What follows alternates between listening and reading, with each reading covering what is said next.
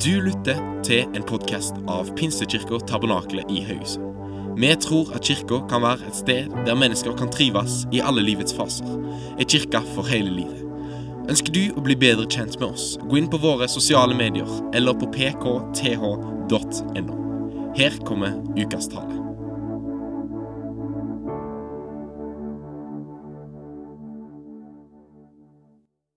Som jeg har nevnt, så begynner jeg på en serie som jeg tror egentlig varer hele året, men vi får se.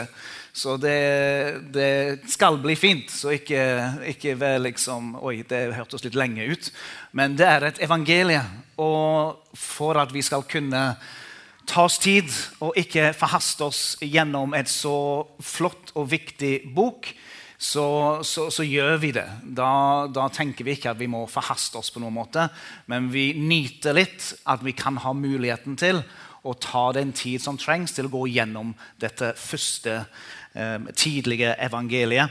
Eh, jeg skal lese fra vers 1, og det skal vi begynne med. Vers 1, kapittel 1, Markus evangeliet, så står det som følger. Her begynner evangeliet om Jesus Kristus, Guds sønn. Her begynner evangeliet om Jesus Kristus, Guds sønn. Fader, vi takker deg og vi priser deg. Takk for ordet ditt. Takk for at ordet ditt er levende, at det virker kraftig, at det er mat for vår sjel, og at det vil tale til oss og åpenbare, trekke gardinene. La oss få se ting som kanskje vi ikke har sett før, eller minne oss om noe som vi kjenner til på en, på en forfrisket måte, på en ny måte, Herre. Vær med oss nå når vi samles om ditt ord. Gi oss et hjerte og en ånd av tro og forventning. Og åpne hjertet, slik at vi kan ta til oss det som du vil si til oss. Og Vi ber om dette i Jesu navn.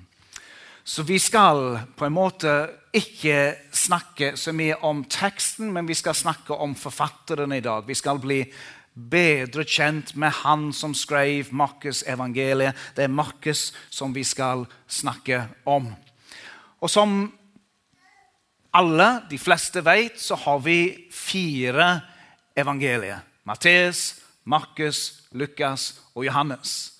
Og Disse evangeliene de var skrevet på forskjellige tidspunkter kronologisk. Vi har jo Matteus-evangeliet, som er det første evangeliet som var skrevet tydelig på 50-tallet. 50 etter Kristus. Så husk, det, det, det, er en kort tidslinje fra Jesus sin død til at Matteus-evangeliet blir skrevet.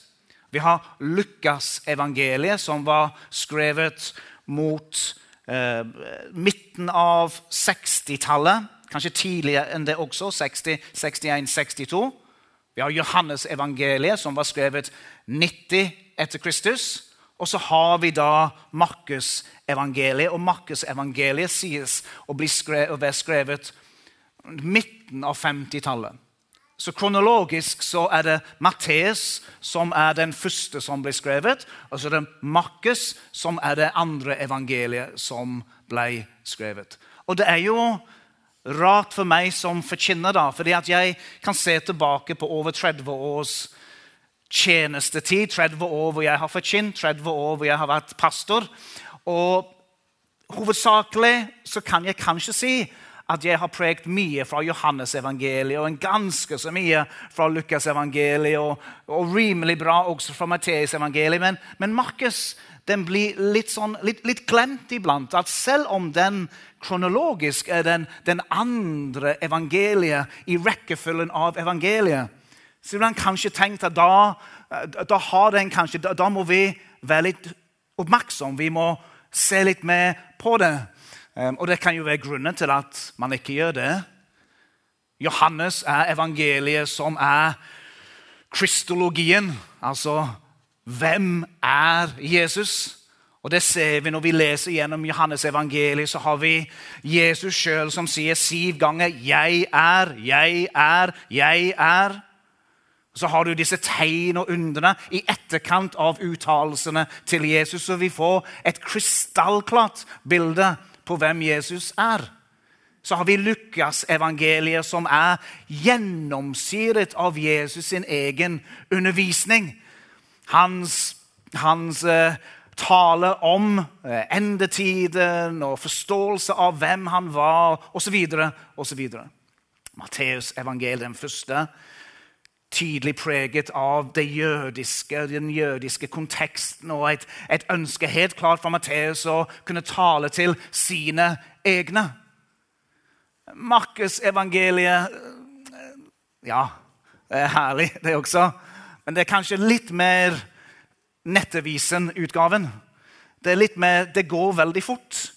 Du finner ikke så veldig mye av Jesus sin undervisning. Ja, du har et, et par ganger du har Markus kapittel 4, hvor vi får lignelsen om såmannen. Og så har vi Markus 13, hvor også Jesus underviser om hva som skal skje i de siste tider. Men ellers så er Markus evangeliet 16 kapitler, hvor ordet 'straks' finner vi 40 ganger. Det er litt mer action. Det går veldig fort. Og det var litt av hensikten, for det var skrevet til en, en romersk forsamling, om du vil. En, en, en, hedningene. Og han ville fange deres oppmerksomhet. Markus på den måten kan kanskje komme litt i skygge for de andre evangeliene. Men jeg har lyst til å løfte den ut av skyggene og framfor oss alle sammen, slik at vi kan bruke god tid på det. Vi leser jo ikke, selv om på toppen så står det evangeliet etter Markus, evangeliet etter Lukas, evangeliet etter Johannes. Selv om det står det på i forkant av tekstene, så står det ikke 'Jeg, Markus, har skrevet dette'. Jeg, Lukas, har skrevet dette. Vi finner på en måte, ikke på en måte, men vi finner ikke forfatterens navn i evangeliene. Og det er kanskje en tanke med det også. Kanskje tanken fra forfatterne er nemlig det at jeg ønsker ikke å være stjernen i fortellingen. Jeg ønsker ikke at fokus skal være på meg, men at fokuset skal være på Jesus. At de sjøl sånn sett kan godt være i skyggene, gjemt litt til side, borte fra selve tekstene, slik at fokuset og oppmerksomheten selvfølgelig blir hos deres frelse og Herre. Er ikke det sånn det skal være? Jeg bare spør, For vi som tror på Jesus, er det ikke er det, ikke det, det handler om? Det er ikke slik at vi ønsker at oppmerksomheten og fokuset skal være på oss og på hvem vi er, og hva vi har gjort. Vi ønsker jo at stjernen og historien skal være, som det er på engelsk, 'his story'. At det vi sier og det vi gjør, skal til syvende og sist peke tilbake på Jesus. Amen. Så hvor finner vi Markus, da? Hvordan blir vi kjent med forfatteren hvis ikke vi finner hans navn egentlig på den måten i tekstene? Vi finner heller ikke hans omvendelse eller noe slikt i evangeliene. Men vi møter han for første gang i Apostlenes gjerninger, kapittel 12. Så hvis du har Bibelen, så kan du også gå dit. Apostlenes gjerninger Jesus har stått opp. Og vi vet at I kapittel 1 så leser vi at Jesus var sammen med disiplene. Han har stått opp fra de døde. Han har beseiret døden. Og så står det, det at han var sammen med disiplene i 40 dager og underviste om Guds rike. Det er litt av en bibelskole, det. Det, det skulle jeg gjerne vært. Så underviste han, Og så sier han til dem i Apostelgjerningen 1,8 at nå må dere være i Jerusalem, og så skal dere be og søke Gud, og så skal dere vente på Den hellige ånd. Og så vet vi hva som skjedde. at Da var de samlet i øvre salen. Og så blir de utrustet, så blir de fylt av Den hellige ånd. Og plutselig så eksploderer Guds rike, evangeliets framgang. Tusenvis på tusenvis av mennesker kommer til tro når de hører Peter stå fram, han som hadde fornektet Jesus, preke som aldri før. Han som var feig, har nå blitt frimodig. Han som var redd, er nå en forkynner av Guds ord, salvet av Guds ånd, og tusenvis kommer til tro og lar seg døpe. Menigheten eksploderer i Jerusalem. Og Peter, som forkynner dette budskapet, han blir kapittel 1 til kapittel 12. Hvis vi skal si hvem er hovedtaleren på konferansen, hvem er det som kanskje får litt mer oppmerksomhet enn de andre? Selv om det er andre, så må vi si at det, er Peter som er den dominerende. Det er Peter som er den som leder. Det er Peter som vi skal sitte igjen med når vi kommer fra kapittel 12. Da er vi i Judea og Samaria. Vi har ikke begynt å se at evangeliet kommer seg utenfor landegrensene fra, eh, fra Israel og til andre nasjoner. Nei, de er fortsatt Judea og Samaria. De opplever framgang for Guds rike, men de opplever også stor forfølgelse. Det koster de stort. Og Når vi da er i kapittel 12, så er vi på et vekslingspunkt. Peter skal nå avta. Og så er det en annen som kommer til å prege fortellingen i Apostelens gjerninger de neste kapitlene, og det er selvfølgelig Paulus. De første halvdelen av boken så er det Judea, Somaria, Israel som er fokus. Når vi kommer til andre halvdel, så er det folkeslagene, nasjonene. Evangeliet skal videre, evangeliet skal ut. Det er jo det som nå blir oppmerksomheten. Og da kan vi godt komme til kapittel 12. Vi leser første vers i kapittel 12, men jeg tror jeg går litt i kapittel 11. fordi at på slutten av kapittel 11 så kan vi lese fra vers 27, så står det at på den tiden kom det noen profeter fra Jerusalem til Antiokia. En av dem som het Agabos, sto fram og varslet ved ånden at en stor hungersnød skulle ramme hele verden. Det var den som kom under keiser Claudius. Da ble disiplene enige om at hver av dem skulle gi så mye han kunne avse. Så det kom en hungersnød. Den kommer til å berøre kirken i Jerusalem, slik at det blir en, en utfordring. Og den naturlige responsen fra de andre kirkene og de som trodde på Jesus, var at vi må jo hjelpe. Hvordan kan vi sette av? Og, det forstår vi. ikke sant? Slik at Når vi hører om det som har skjedd i Ukraina, når vi hører om ting som skjer i India Vi var også med å støtte Troens bevis for det nye hjemmet for, um, for, for, barn som trenger det, som ble åpnet i går. Ja, Man responderer på Oi, det er noen som trenger hjelp nå. Hva kan vi bidra med? Hva kan vi hjelpe? Slik var det også her. Da ble disiplene enige om at hver av dem som skulle, skulle gi så mye han kunne avse, for å hjelpe de av søsknene som bodde i Judea.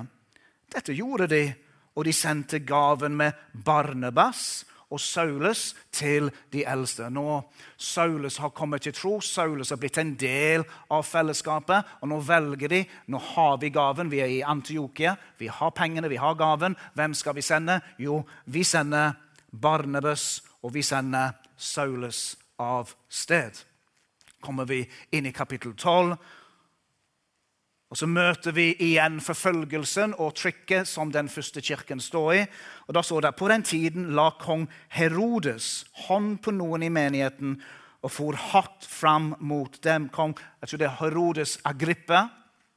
Han, han, ehm, ja, han var en politikers politiker. Jeg vet ikke om det sier noe godt i disse dager, men han var i alle fall det.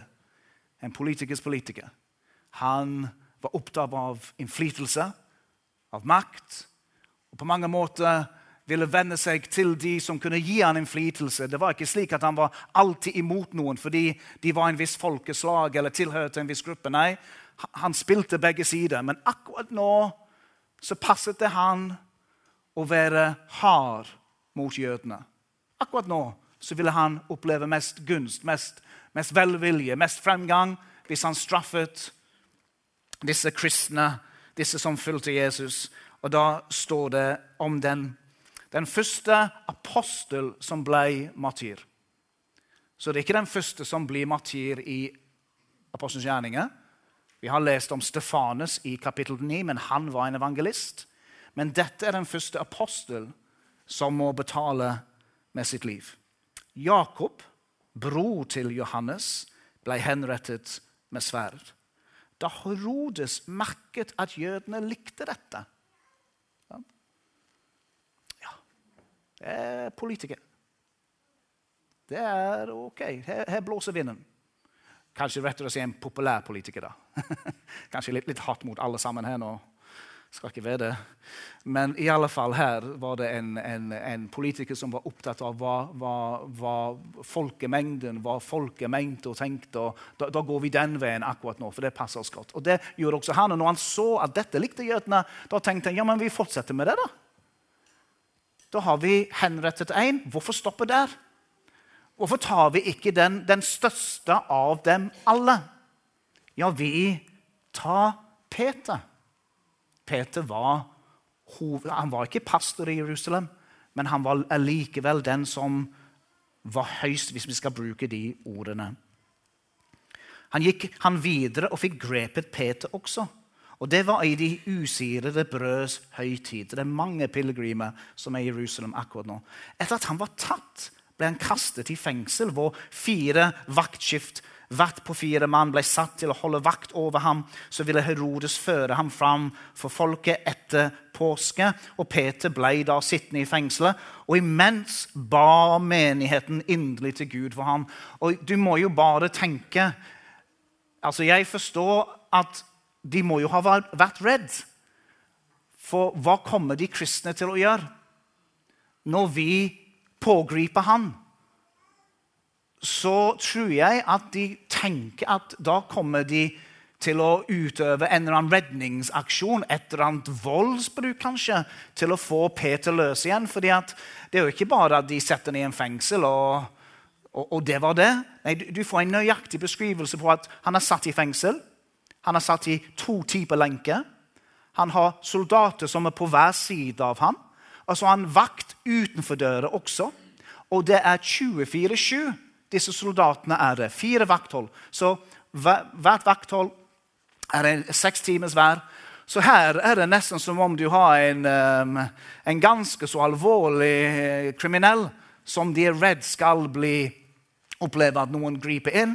Men det er ikke det menigheten gjør. Nesten kom en halleluja der. Det er jo bra, det. Eh, vi har ikke tenkt å begynne å inn på fengselet på den måten. Det, det, er jo ikke bra. Men at menighetens første respons er å be. At menighetens første respons er at vi må komme sammen og søke Gud det skal fortelle oss noe også om hva er det første responsen som vi også skal, skal lene oss imot når vi står i ting som vi ikke forstår, eller opplever motstand, eller opplever at dører blir stengt, eller opplever at vi sitter fast i lenke. Ja, hva er det første vi gjør? Vi ber. Vi søker Gud.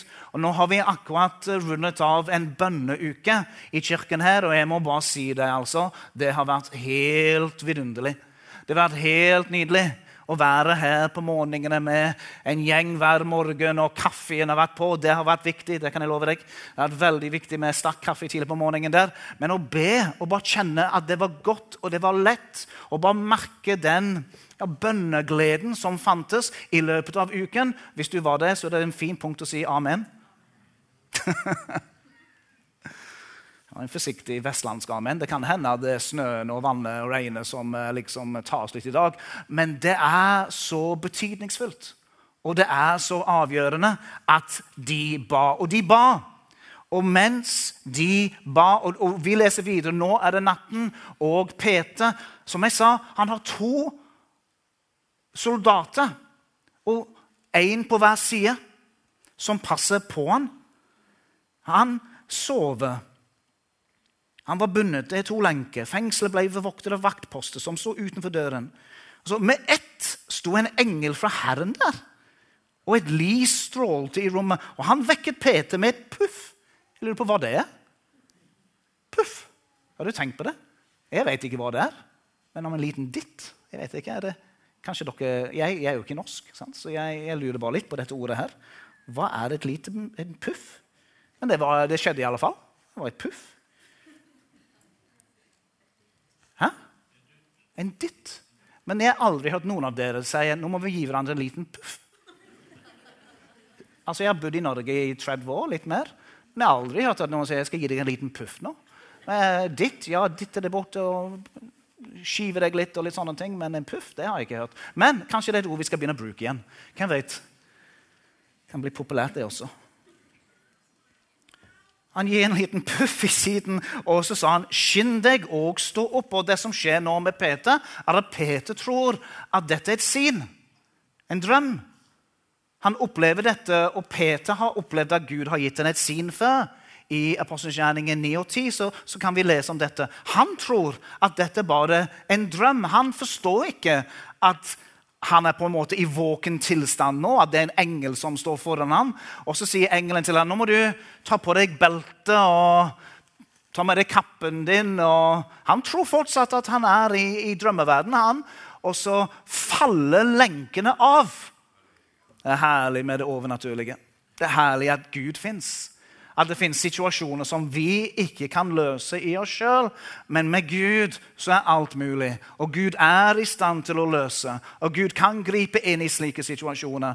Og du som har lest litt misjonshistorie, og du som har kanskje lest bøker om kjente misjonærer, så er det ikke uvanlig at man kan lese om slike historier også i dag. Det er kanskje flere her som har hørt om Den himmelske mannen.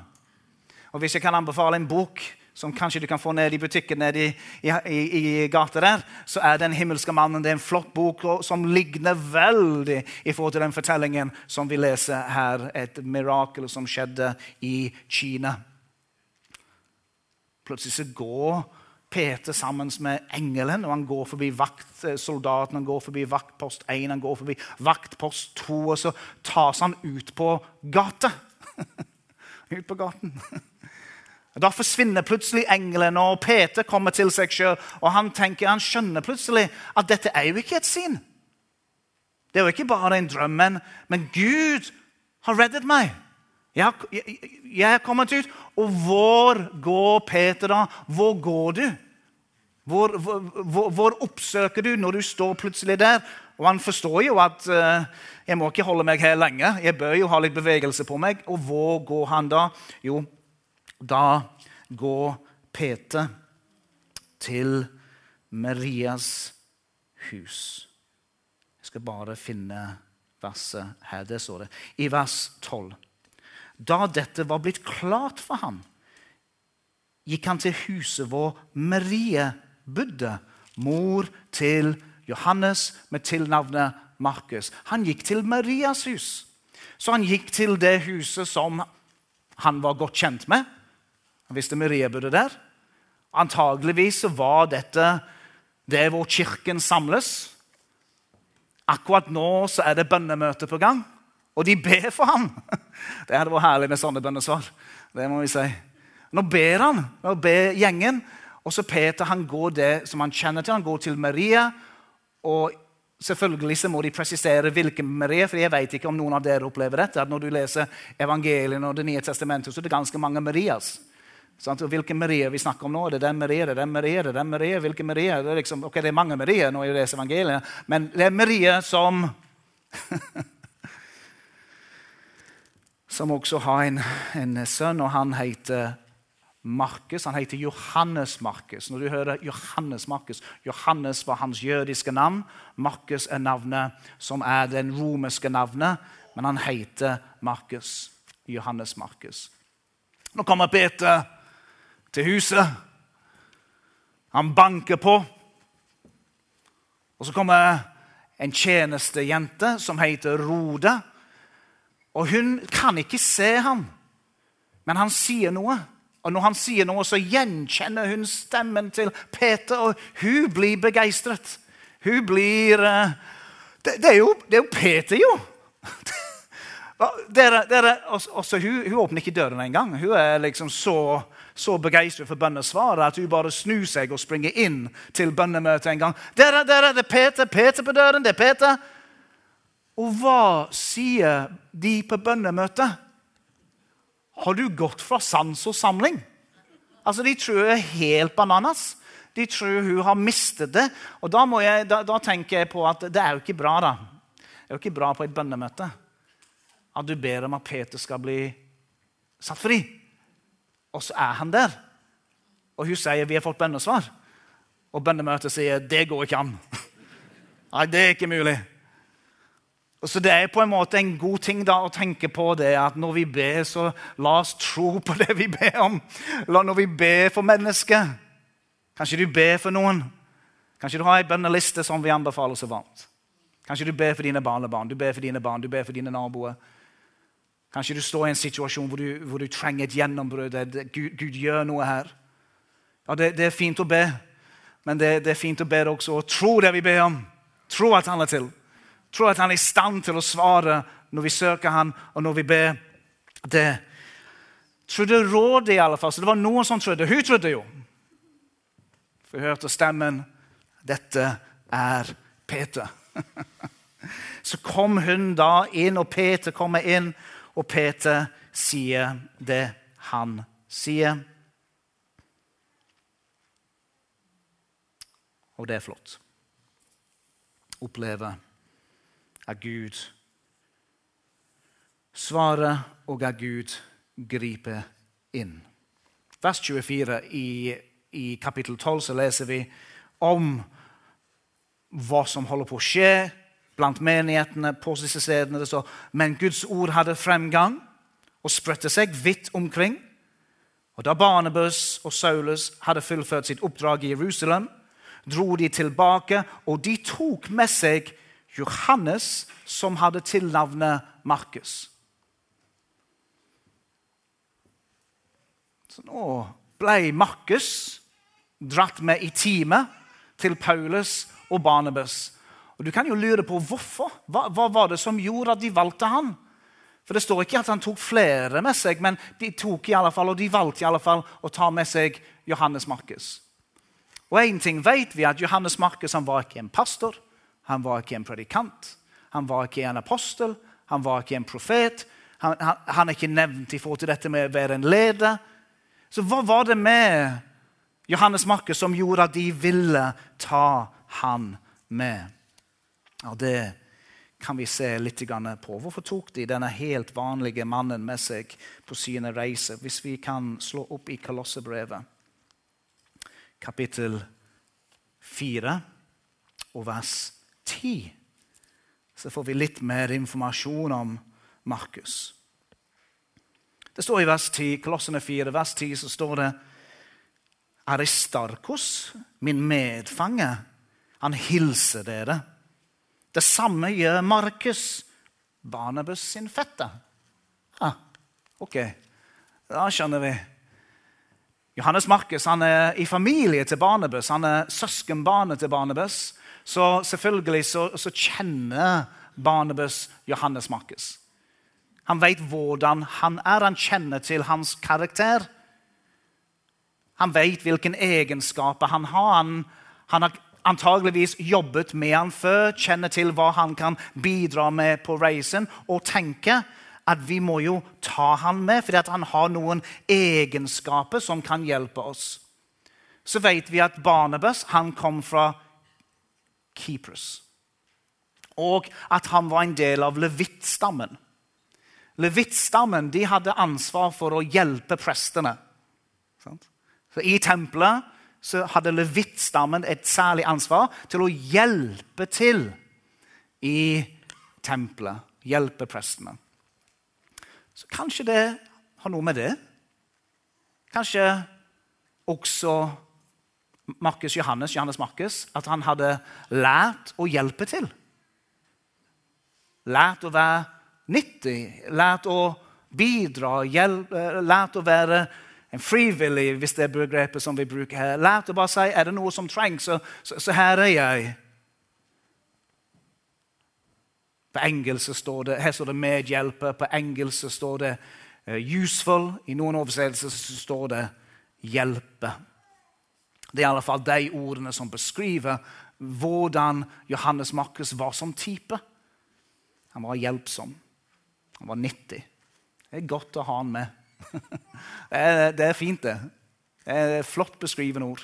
Ja, De er jo ikke de mest dynamiske, kanskje, men jammen er det fint å ha med seg noen som er nyttig. Som kan løse ting og fikse opp i ting.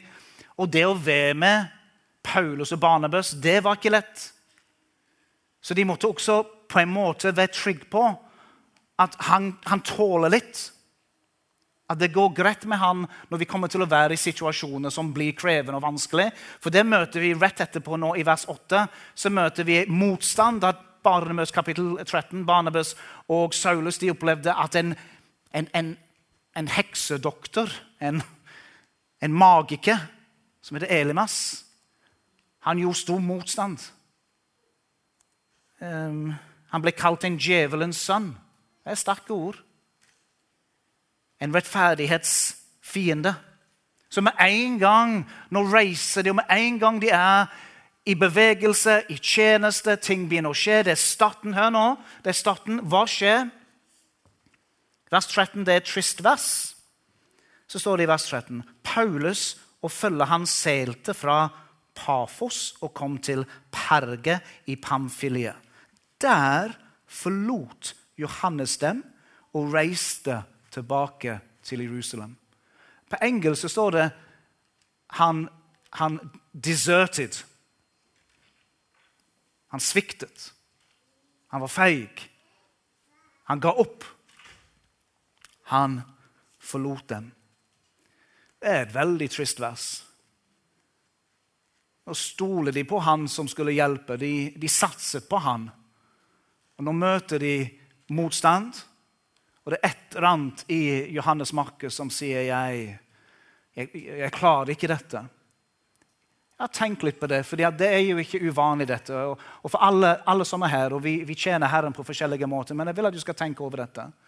At ofte når du starter nye ting, eller du kommer til nye steder, eller du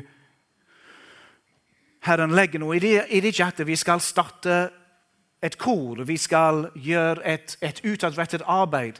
Så er det ikke uvanlig når du begynner på noe nytt eller på et nytt sted, at du kjenner på noe av det som Johannes Markus antageligvis kjente på. Jeg vet ikke om jeg klarer dette. Det, var ikke slik jeg trodde det skulle bli. Det, det, det er for mye trøkk, det koster for mye. Jeg tror det blir bedre hvis jeg bare gjør det sånn. Jeg har opplevd dette mange ganger sjøl. Derfor er det gjenkjennelig, dette. Og jeg har sikkert gjort som Johannes Markus også noen ganger. At Av og til så har jeg trukket meg tilbake, reist et annet sted, istedenfor å stått med. Ja. Her har det skjedd noe. Det er et trist øyeblikk. Han ble sendt fra Antiokia sammen med dem, så han reiste ikke tilbake til Antiokia. Ikke så enkelt det er kanskje for han å reise tilbake hvor de akkurat har sendt han ut. Så hvor reiser han henne da? Jo, da reiser Johannes Markus tilbake til Jerusalem. Til Marie, til kirken der. Og han er i Jerusalem i noen år. Han er borte fra Paulus i alle fall i ti år. men men han er sammen med kirken, og etter hvert så plukker Peter han opp. Men vi går ikke helt dit enda vi skal til kapittel 15 og vers 36.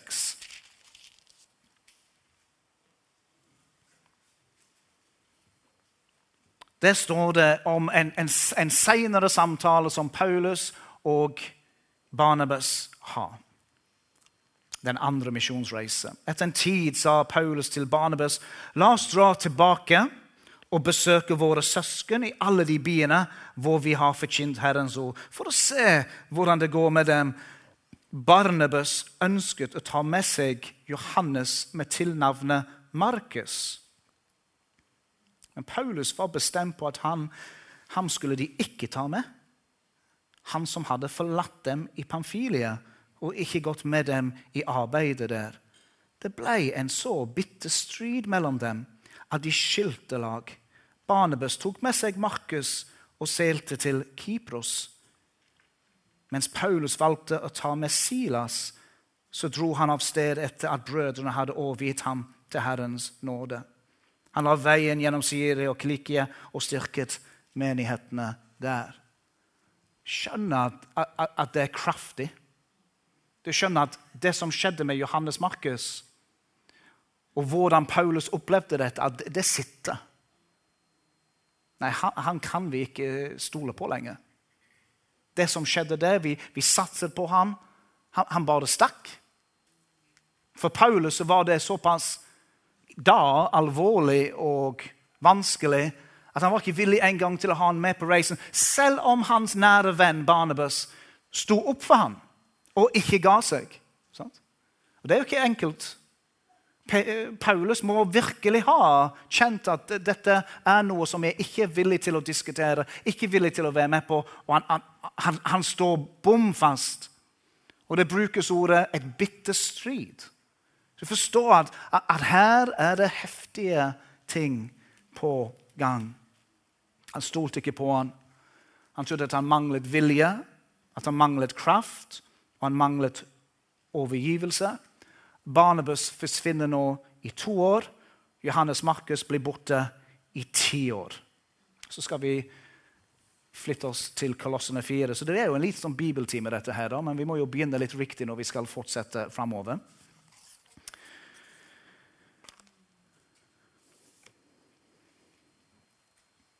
Så vi forlater Paulus, hvor han har sagt Johannes Markus er ikke med. Og jeg mener dette er såpass alvorlig at hvis ikke du, hvis ikke du er enig med meg, Barnabas, så kan også du reise. Nå er det meg og Silas. En tøff leder, da. Ikke enkel. Nå, han, da skriver han til kolossene. Han er i fengselet når han skriver dette. Kolossene, Fesene og Filemon er de tre brevene som han skriver fra sin første tid i fengselet i Rome. Og Da skriver han i vers 10.: Aristarkos, min medfange, hilser dere. Og det samme gjør Markus, Barnebøs sin fette. Dere har fått beskjed om ham. Ta godt imot ham hvis han kommer til dere. I alle dager. For noen som kanskje ikke har vært med i loopen og, og får dette brevet, så tenker jeg hva i all verden har skjedd? Han som ikke skulle bli regnet med, han som du var så strenge på, plutselig så er han med på teamet ditt igjen. Jeg må si at Det er vidunderlig lesing. Det er jo fantastisk å tenke på at Gud kan ikke bare gi en ny start for Johannes Markus, men gjenopprette relasjoner. Der hvor det har vært strid, og der hvor det har vært for Paulus en alvorlig opplevelse av at kan jeg stole på deg. Nå sier han plutselig Markus er med meg. og ikke bare med meg, men når han kommer til dere, hvis han kommer til dere, så må dere ta han godt imot. Også i Filemon vers 23 så nevnes Johannes Markus som en del av teamet. Noe har skjedd. Siste sted og tekst som vi skal lese, er fra Timoteus andre brev.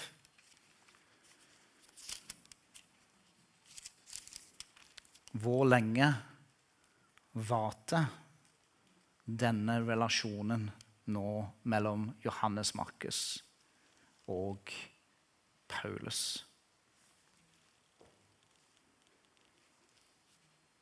Dette er når Paulus nærmer seg slutten av sitt liv.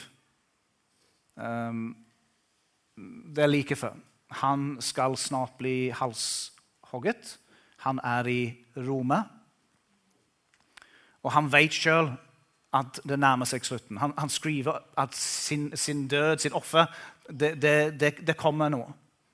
Og så skriver han om en del navn. Og han skriver i vers 11 bare Lukas er hos meg. Det er ikke lett. Han som har betydd så mye for så mange. Nå er det bare å lykkes med det med han i fengselet. Men så skriver han Ta Markus med deg når du kommer, for han er til stor hjelp for meg i tjenesten. Tenk det. At denne unge mannen som ikke var en pastor, ikke var en eldste, ikke var en apostel, ikke var en profet Vi vet heller ikke om han var leder, men det vi vet, er at han var nyttig. Han var en medhjelper. Han, han, han sa hva, hva, kan jeg bidra med, hva kan jeg hjelpe med? Og når Paulus skal si 'Hvem ønsker jeg nær meg akkurat nå?' Når jeg har det kanskje vanskeligst i min tjeneste, så sier han 'Lukas, han er med meg'. Men Markus, kan også du komme nå? Jeg trenger deg. Jeg trenger din hjelp.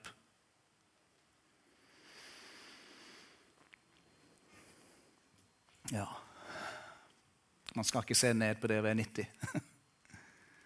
At Gud bruker oss vanlige mennesker i helt vanlige situasjoner. Kanskje ikke navnene våre står på de største tavlene og hva det måtte være, de største scenene. Eller. Men Herren ønsker å ta vanlige mennesker til å utse vanlige ting i Hans rike. Slik som han gjorde med Johannes Markus. Ja, vi kan si én ting til. Når Johannes Markus var i Jerusalem, så ble han plukket opp av Peter. Og når vi leser 1. Peters brev, kapittel 5, så skriver Peter også litt om dette. Men han sier i alle fall dette, at din søster hilser deg fra Babylon. Så Babylon det var et kodeord for Roma.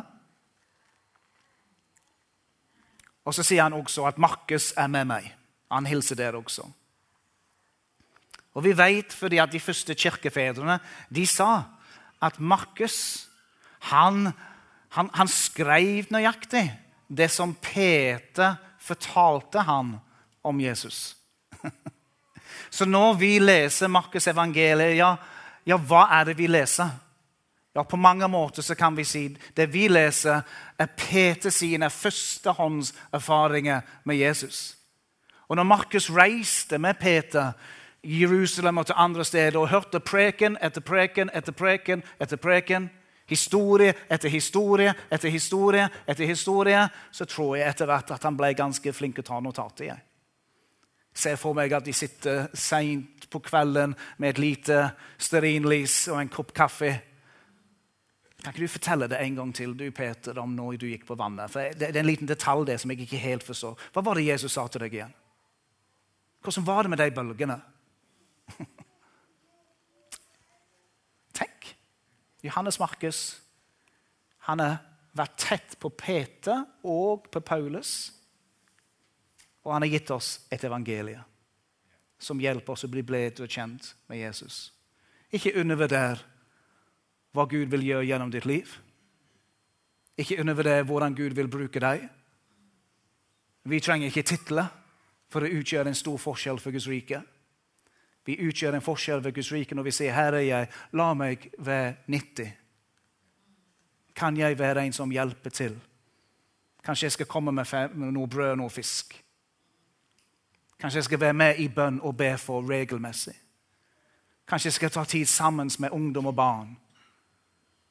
Kanskje jeg kan åpne mitt hjem og være gjestfri? Kanskje jeg kan Og så kan vi fortsette. Takk for at du lytta til vår podkast. Vi håper at undervisningen kan være til inspirasjon og hjelp inn i din livssituasjon. Du er hjertelig velkommen til møter i Pinsekirken Tabernakel Haugesund klokka tolv på søndager. Ha ei velsigna uke videre.